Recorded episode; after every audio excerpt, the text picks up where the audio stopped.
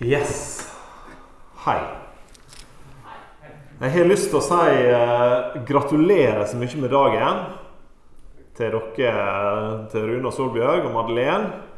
Og til, foreldre, nei, til faddere eh, og til dåpsfølget. Det er utrolig stort å få lov til å være med på denne her dagen. Eh, og så er det jo, har jo jeg fått et fantastisk flott tema. da. For at temaet i dag er egentlig 'La småbarna komme til meg'. Eh, og det passer jo veldig bra. Vi har jo hatt eh, Denne høsten så har vi Guds rike som tema. Og det er et utrolig stort og spennende tema. For hva er Guds rike for noe? Hva er det vi går mot, på en måte? Hva er det vi lengter etter? Eh, og det skal vi ta for oss videre i dag. Jeg har fått i oppgave kan vi si, å si noe om det å bli som barn for å komme inn i Guds rike. Eh, altså de ordene som Jesus sier når læresveinene kommer til Jesus og spør hvem er den største i himmelriket. Da sier han sannelig, det sier jeg dere, uten at dere vender om og blir som barn, så kommer ikke dere inn i himmelriket. Så hva vil det si for oss? Hva mener Jesus med at vi ikke kommer inn i himmelriket eh, uten å bli som barn? Hva betyr det å bli som barn? Hvordan skjer det? Og hva er det slags aspekt ved et barn det er Jesus sikter til i disse versene? Og Det er det vi skal snakke litt om i dag. Jeg har lyst til å også begynne med å be. Herre, jeg takker deg for at vi kan få lov til å komme fram for deg nå. Takker deg for det fellesskapet eh, som vi kan få lov til å ha her i dag. Eh, takker deg for at du er her midt iblant oss, Herre. Der vi er samla i ditt navn, der er du midt iblant oss. Og det takker jeg for, Herre. Eh, så takker jeg for at eh, at du ønsker å lede oss, Herre. Du ønsker fellesskap med oss. Du ønsker at vi skal høre deg til, Herre og at vi skal få lov til å være en del av ditt rike.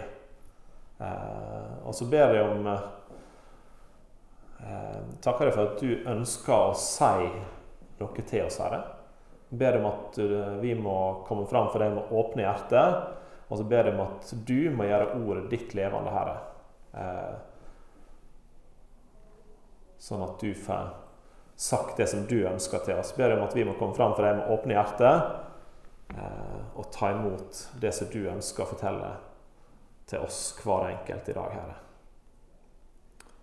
Amen. Eh, vi kan lese om eh, de som bar ungene sine framover i folkemengda til Jesus. Eh, det som vi fikk høre lest som en del av dåpshandlinga, eller i forkant av dåpshandlinga, det las vi fra Markus. Og dette står også om i Matteus og i Lukas. Eh, men det vi kan legge spesielt merke til i Markus, som ikke blir presisert eller sagt eksplisitt med de to andre evangelistene Vi kan lese det en gang til.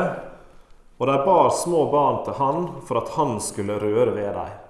Men disiplene trua de som bar dem.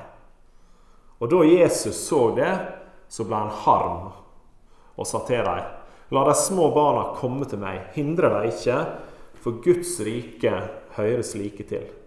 Sannelig, sier jeg dere, den som ikke tar imot Guds rike som et lite barn, skal slett ikke komme inn i det. Eh, ikke bare var, Jesus, var ungene viktige for Jesus, det var viktig at ungene fikk lov til å komme til han. Fordi at eh, det, Fordi han sier at hvis ikke dere tar imot Guds rike som disse her små ungene, skal dere slett ikke komme inn i det. Men ikke bare var det viktig, men han ble sint fordi at disiplene ønska å hindre ungene eh, i å komme til ham. Jesus hadde jo viktigere ting å gjøre enn å røre ved noen unger, tenkte de kanskje. Kanskje var det derfor eh, Jesus ble sint. Kanskje var det fordi læresveinene trua de som bar ungene. Eh, de mente nok at Jesus i dyrebare tid ikke skulle brukes på disse små ungene og deres behov.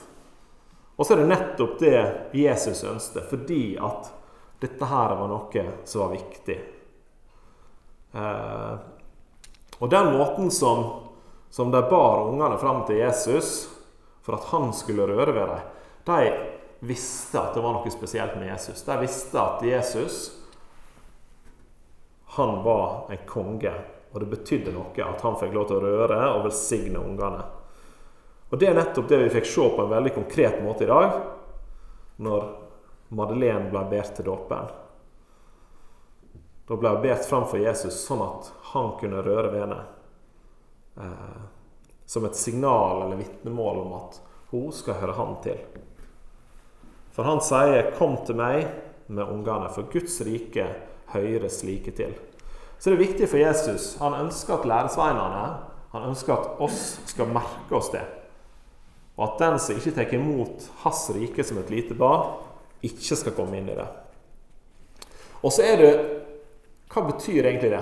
Det er jo veldig mye en kanskje kan si om det. Om hva er det Jesus legger i dette her. Eh, og hva aspekt ved et barn er det Jesus sikter til. Jeg er så heldig at jeg får lov til å være far til to små jenter på tre og fem år. Eh, det er en helt fantastisk ære. Det er egentlig ganske drøyt å få lov til å være far og få lov til å være med og på en måte lage unger. Altså det er på en måte 50% av mine gener. En ganske utrolig opplevelse, egentlig. Å, være med og liksom skape et nytt menneske. Og så er de altoppslukende, svære. Du, lever inni din egen boble når du er i en familie. Og Spesielt det første året er det jo en altomfattende jobb. Det er utrolig herlig. Eh, og så utrolig irriterende på samme tid. Eh, det er ingen som kan få meg til å smile like bredt som mine unger. Og så er det ingen som kan få meg til å bli like irritert. Jeg trodde jeg var en ganske tålmodig type. Var en ganske sånn fredelig sjel, skulle jeg si. Fram til jeg fikk unger. Da fikk jeg på en måte oppdage et sånt sinne som jeg ikke visste at jeg hadde. Samtidig så fikk jeg oppleve en sånn glede som jeg ikke visste at jeg hadde. Jeg visste på en måte ikke at dette her var ja, jeg vet ikke, Det er så altoppslukende. Eh, for de vet jo akkurat hvilke knapper de skal trykke på. Så for min del så ble det helt naturlig å tenke på mine unger da, når jeg liksom skulle forberede meg til dette her. Og noe av det som slo meg tidlig, i forberedelsene til dette her, da, det var at jeg, altså når jeg undra meg på hva Jesus har tenkt med dette utsagnet. Og det er nysgjerrighet. For at ungene mine de er utrolig nysgjerrige. Hvorfor det? Det er noe som går igjen. Og så er ikke det bare ja, hvorfor, hvorfor skal vi ete? Nei, det er fordi at vi trenger mat. Ja, men hvorfor det, da? Nei, det er fordi at vi er skapt sånn at vi trenger mat. Ja, men hvorfor det? Sånn at jeg lurer liksom, Og så er det ok, er det fordi at de får respons da de vet at jeg må svare noe, så de får liksom respons på et sånt spørsmål? Eller er det fordi de faktisk lurer? Og så er jo treåringen og femåringen litt ulik på det. da. Femåringen er kanskje litt mer sånn at det er fordi hun faktisk lurer. Det er nysgjerrighet. De er nysgjerrige, de lurer, de tar ikke ting for gitt. da. Hvorfor regner det, f.eks.? En ting vi kanskje tar for gitt. Ja, sånn er det bare. Det regner. Så, sånn er det på en måte laga til at det regner. Og så kan en begynne å tenke at liksom, vannet sitt kretsløp Det er jo naturfaglærer, annet. Sånn at jeg vet jo at vannet går i et kretsløp og fordamper, kondenserer, og det regner. Så sånn. Utrolig fascinerende at det er laga sånn. Eh, de utforsker. De finner ut at ting blir våte f.eks. i vann. Og så lurer jeg på, skal jeg tro om støvelen blir våt på innsida også, hvis jeg dypper den i søyla. Sånn? Ser at han blir våt på utsida, men blir han våt på innsida? på en måte? Blir lestene våte? Ja da, det blir det. Å ja, det går an å dra ut mer dopapir fra rullen. Skal tro hvor langt det egentlig kan bli. sant? Kan vi vikle det rundt doen noen ganger? Skal tro hva som skjer når vi bare tar dorullen og stapper den i doen og prøver å trekke ned. sant? Altså, Jeg har jo brukt denne hva det heter, denne proppen for å få opp igjen ting fra rørsystemet. Du måtte skru av denne vannlåsen fordi at man stappa en tannkost nedi eh, hele dorullen i vasken. Vannet sto på. Det lå en tannkost ned i rørsystemet, så da måtte vi opp og liksom Ja, ja, fikk jeg jobba med pakning, da, eksempel, som måtte liksom byttes ut. Men de utforsker, da. Skal tro om det går an å At det bare er papir det går an å tegne på. Jeg kan prøve å tegne på gulvet eller på veggen eller på sofaen, f.eks. Med penn. Det er veldig festlig. Og så observerer de. Anna hun sitter og ser på meg her en dag. Så ser hun ser på handa si. 'Pappa, du er stor hand. Jeg er lita hand.' Det er en måte Observerer, ser på ting rundt seg. Hvordan fungerer det egentlig? Og for ungene er helt små så tar det litt tid før de oppdager hendene sine. Oi, jeg er hender. Jeg kan begynne å gripe ting. sant? Pappa, du er stor rumpe. Jeg har lita rumpe. Hvorfor det? Ja, det, er på en måte en Og jeg også kan være nysgjerrig eller fascinert. Jeg kan bli fascinert over hva lys er laga, eller hva er på en måte lys? Hva skjer når du sender laserlys gjennom et gitter med små små spalter? Jo, det, plutselig så splitter det seg. Sånn som bølger er når det treffer en molo, f.eks. Åpning i molo, så bryter bølgene. Det skjer med lys også. Hæ? Det er jo helt sjukt. Du ser liksom lysstrålen, men så deler den seg. Eller når du blander maisena av vann. Vet ikke om dere har gjort det. Det syns jeg er kjempegøy. Så renner det liksom gjennom fingrene på deg. Eller hvis du på en måte trykker på det, så kan du lage ball av det. Viskositeten endrer seg med trykk. Det er jo kjempefascinerende. Det er jo ikke sånn en væske skal være. Eller er det fast stoff? Eh, hallo. Det, det, det fins så mye nydelig eh, som du kan undre deg over. Også I møte med mine unger så lurer jeg av og til på om jeg på en måte har mista noe av den evna til å være nysgjerrig. da. For det skal mye mer til for at jeg blir nysgjerrig enn det gjorde før. da. Eh, og så føler jeg kanskje ikke tid til å liksom gå rundt og være nysgjerrig. Altså tid til å gå rundt og undre på at ting skjer. på en måte. Du er på jobb, og så skal du hjem igjen. Og så går på en måte dagene, ukene, månedene og årene. Vi er låst i på en måte hverdagen vår. da. Og så har vi mista undringa over hvordan ting fungerer. Veit ikke. For vi vet jo, vi lærer jo gjennom livet. Så lærer vi gjennom å lese eller erfare, oppdage. Og så veit vi ting. Og så lurer jeg på av og til, da har vi det sånn med Gud også at vi veit. Tar ting for gitt. Vi veit hvem Jesus er, vi ber til han, vi veit på en måte hva det går i. Og så tenker vi på en måte at det er det. Kjenner vi Jesus? Kjenner vi på en måte dybden av, av Guds rike? da, Dybdene av hvem Jesus er? tenker jeg det, er det er verdt å stoppe opp og undre seg ved hvem Jesus er, og hva, hva han har tenkt for oss. da. Eh, vi kan jo lese i Bibelen om mange som undrer seg. Sakkeus er jo kanskje det mest brukte eksempelet på nysgjerrighet, som klatrer opp i et tre for å på en måte få et, få et blikk på hvem er den mannen her. sant? Eller Nikodemus, som kommer til Jesus om natta for å spørre hva det betyr eh, å bli født på ny. Hvordan kan en voksen person bli født på ny? Eh, og i møte med enkelte som ikke kjenner Jesus, da, så opplever jeg at de kanskje opplever det som jeg tenker kanskje manglende nysgjerrighet når det kommer til spørsmål om Gud, spørsmål om tro. Trenger vi på en måte det? Det virker liksom ikke som det er et behov for å være nysgjerrig fordi at jeg veit hvordan ting fungerer. Det tror jeg er en stor utfordring. Tror jeg det er verdt en tale eller tre i seg sjøl. Eh, men poenget mitt er at unger de er nysgjerrig. De er nysgjerrig på hvordan verden er satt sammen, og hvorfor. Og Jeg tror at det er viktig også i misjonsoppdraget vårt da, med å være nysgjerrig. Når vi treffer mennesker, være nysgjerrig, spør hvem de er, og hvorfor. Spør hva de tror på, og spør hvorfor. Å være nysgjerrig uten å være nysgjerrig på det, på en måte for å vite for å vite ting. Men jeg tror det er viktig å være nysgjerrig. da. Eh. Eline hun eh, viser mye følelser. Hun er av og til sint på Jesus også. Her om dagen så var hun sint på Jesus. Så til meg og sier jeg er sint på Jesus. Ja, Hvorfor det? Nei, for hun hadde bedt til Jesus om at jeg ikke skulle bli sjuk.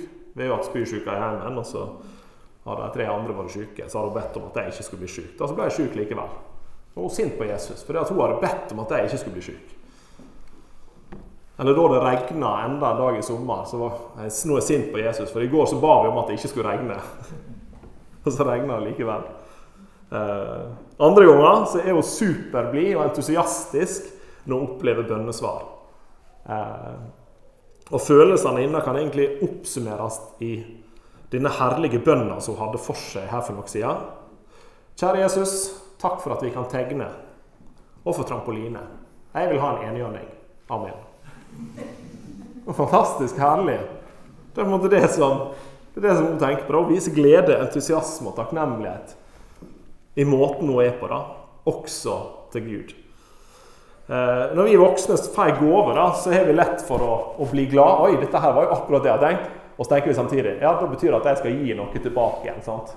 Som er av omtrent akkurat samme verdi, sånn at det på en måte går opp i opp.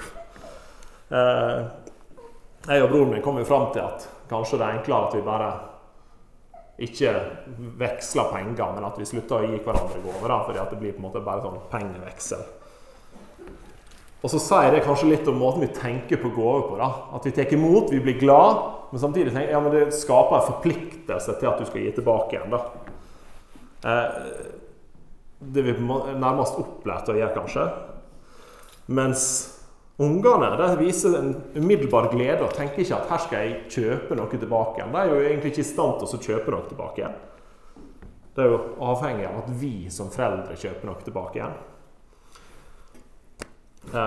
Og, og, den der tenker jeg kan lære oss noe viktig. At den frelsesgåva som er gitt oss, det at vi at Jesus har betalt for våre liv med sitt blod, eh, det er jo ikke vi i stand til å betale tilbake. Det er en nådegave som vi skal få lov til å få uten at Jesus har noen forventninger til at vi skal betale tilbake igjen.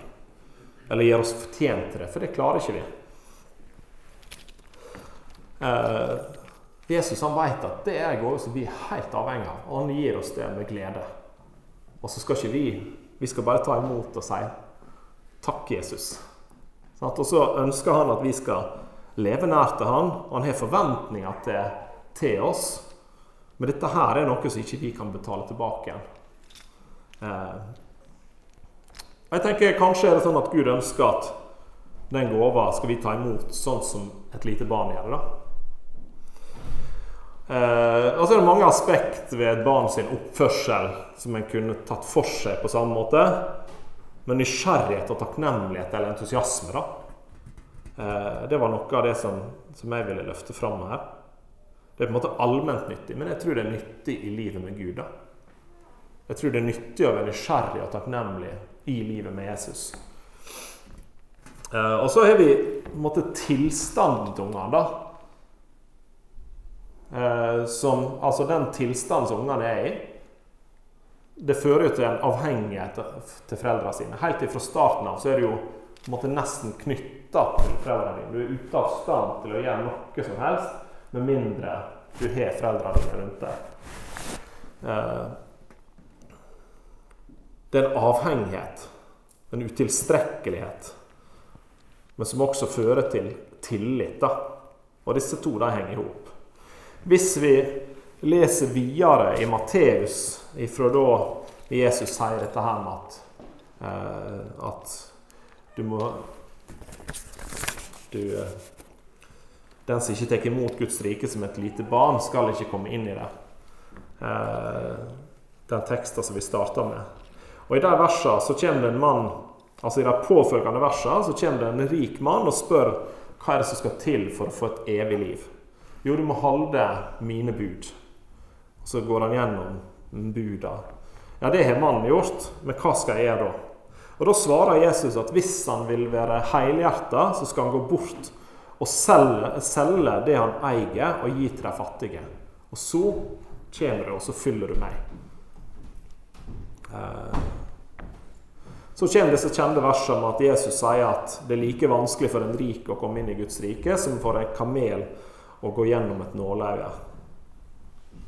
Eh, og dette her kan en jo også isolert sett sier veldig mye om. Men det sier noe om den avhengigheten da, som Jesus er opptatt av at vi skal trakte etter.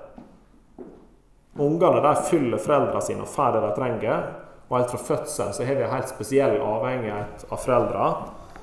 Eh, at, at de, de er på en måte Ja, du er helt avhengig da, av de som er rundt deg. Eh, og ungene de trenger ikke all verdens rikdom. De får det de skal ha. Og når Jesus i bergpreika løfter fram om det å ikke uroe seg for morgendagen eh, Fuglene under himmelen jo det som de trenger fra Jesus, og antyder at det får vi òg, da. Eh, og hva skal vi da med de intrikate planene våre og pengene våre? Jesus han sørger for oss. Eh, og det er noe av det som jeg tror at, at ligger i dette her. da. Den avhengigheten av Jesus fordi at han, han sørger for oss. Så hva er det da som betyr måte, mest for oss? da? Altså hva er fokuset vårt?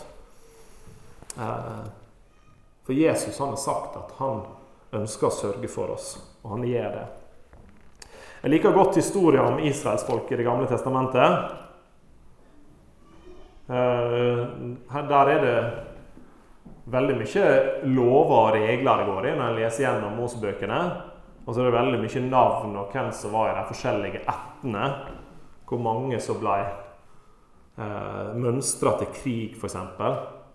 Men også er det på en måte Historien om israelsfolket liker jeg å sammenligne med en sinusbølge. Det, det syns jeg er fint. da.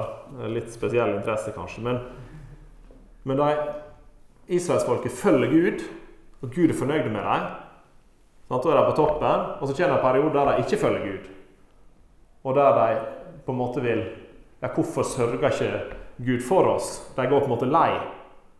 Og så gir Gud noe i livet deres, og så er de på toppen igjen. Og da er de på. Da følger de Jesus. Og så går historien om israelsfolket det er en sånn her sinusbølge. Det går opp og ned og opp og ned. og opp og ned. De glemmer på en måte hvem Gud er, de glemmer hva Gud har gjort for dem. Han leder dem ut av, uh, ut av Egypt fordi at han skal lede dem fram til det lova landet. Han skal lede dem fram til et land som flyter melk og honning. Ja, og så går de og vandra lenge i ørkenen. Så jeg kan på en måte forstå den frustrasjonen da, som de opplever.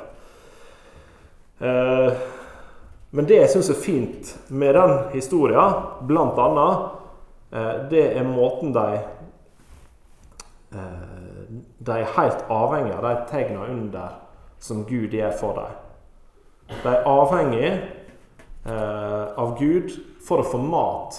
De får jo manna fra himmelen. De er helt avhengig av å få mat og for å finne fram til det heimlandet som Gud har lova dem. Så de er helt avhengig av Gud. Eh, og det, eh, det gjør at de også opplever en tillit til at Gud sørger for dem. De opplever en tillit til at Gud ja, han gir dem mat. Han gir dem det de trenger. Eh, I ordspråka så står det 'Sett din lit til Herren av hele ditt hjerte', og stol ikke på din egen forstand. Kjenn Han på alle dine veier, så skal Han gjøre stiene dine rette. Eh, ja, hva betyr det? Hva ligger det egentlig i den tilliten, da? Jeg tror at ungene mine de stoler fullt og helt på meg.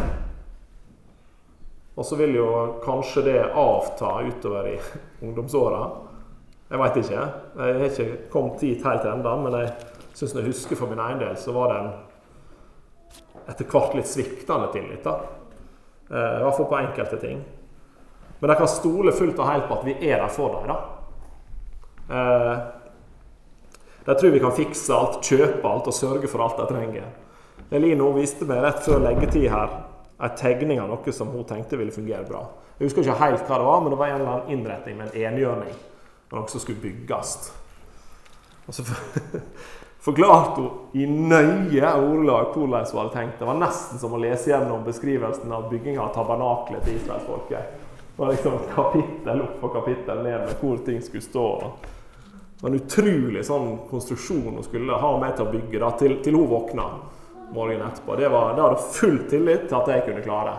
Akkurat sånn som hun hadde tenkt, og hva farger og på en måte hvor ting skulle være.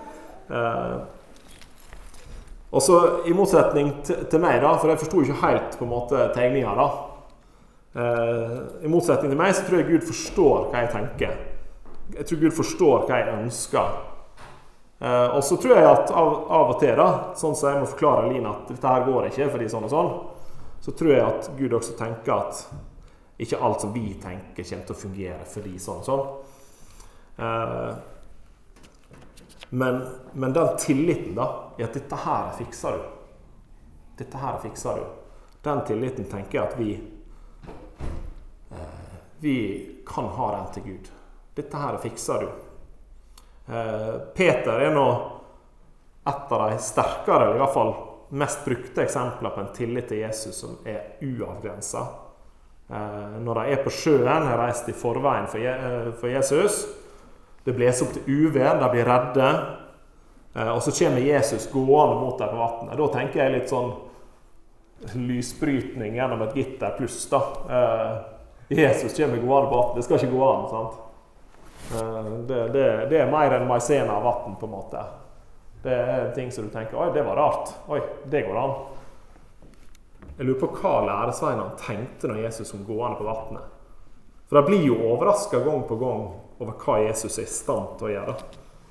Eh, og så undrer de seg på hva, ja, hva betyr dette du forteller. Men Jesus kommer gående på vannet, og Peter han sier OK, er det deg, så, så kan jeg komme ut på vannet og gå la med deg. Ja, ja, kom du, Peter. Han begynner å gå på vannet. Det er jo helt spinnvilt. Eh, og den evna til å gi fra seg kontroll, da, i en helt konkret situasjon, så ser han jo ting rundt seg og ser at det er uvær, og tenker oi, dette her funker jo ikke. Jeg kan jo ikke gå på vannet. Og så begynner det å synke.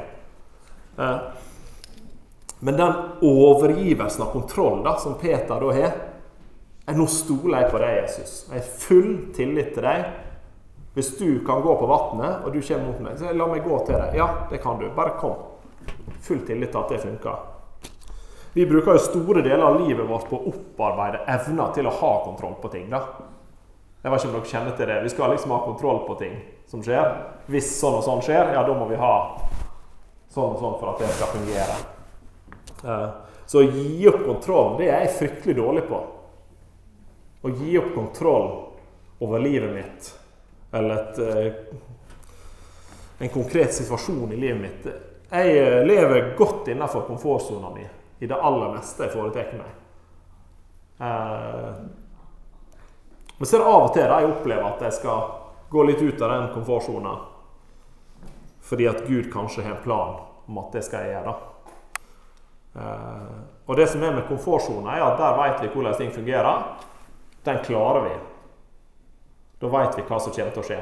Mens med en gang du går utafor, så er du avhengig av hjelp. Du er avhengig av uh, hjelp og må ha en tillit til at det skal fikse seg. Eh, og her kommer ungene inn. da, fordi at ungene våre de er ikke på samme måte i sin komfortsone som det vi som foreldre er. Og det er fordi at det er vi som styrer. Sånn, det er mange ting ungene mine må gjennom fordi at vi skal styre, som de ikke er helt komfortable med. Ja, nå skal vi, gjøre, nå skal vi dit. Eller nå skal vi gjøre sånn. Ja, men hvorfor det? Jeg vil ikke, sant? Jo da, men sånn skal vi gjøre. Så prøver vi det. Eh, og så kan det oppleves ganske ubehagelig. Men de finner jo trygghet i det likevel, da, innenfor de rammene som vi gir dem. Innenfor de rammene som heimen gir.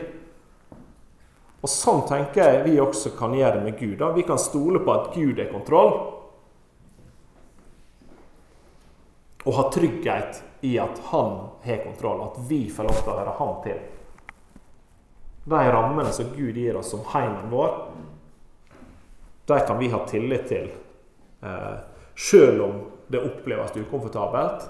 Sånn som ungene kan oppleve ting ukomfortabelt. Men de rammene som vi som foreldre klarer å gi dem, gir en trygghet.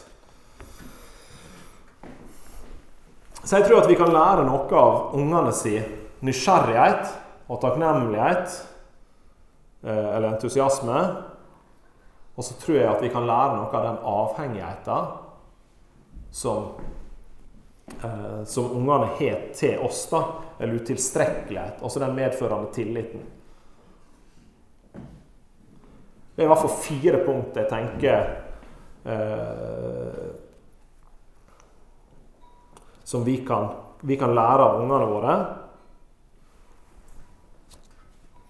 Eh, og jeg tror dette er noe av det som ligger i at eh, vi skal bli som barn for å komme inn i, i himmelen. Eh, og noe av det jeg tror Gud tenker er viktig, da. Og den familieanalogien med at vi som Guds menighet er familie, det blir for min del også forsterka av at vi har én farsfigur. Vi har vår far i himmelen, som er han som er den som har kontrollen. da. Og innenfor de rammene som han gir, så kan vi få lov til å, å vise takknemlighet, vise tillit. Og vi har en avhengighet. Eh, av Han, da. Vi trenger Jesus. Helt avhengig av det som Han har gitt oss. Så står det Guds rike høres like til, altså ungene. Det står ikke at Guds rike bare høres like til.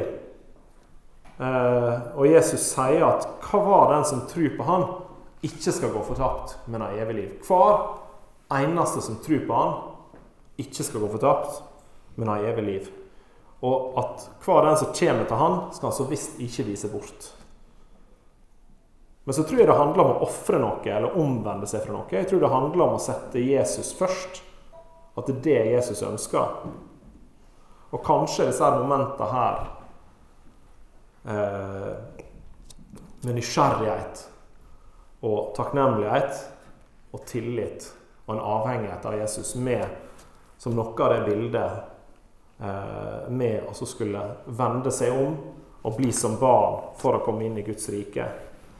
Jeg tror det handler om å, å sette Jesus først.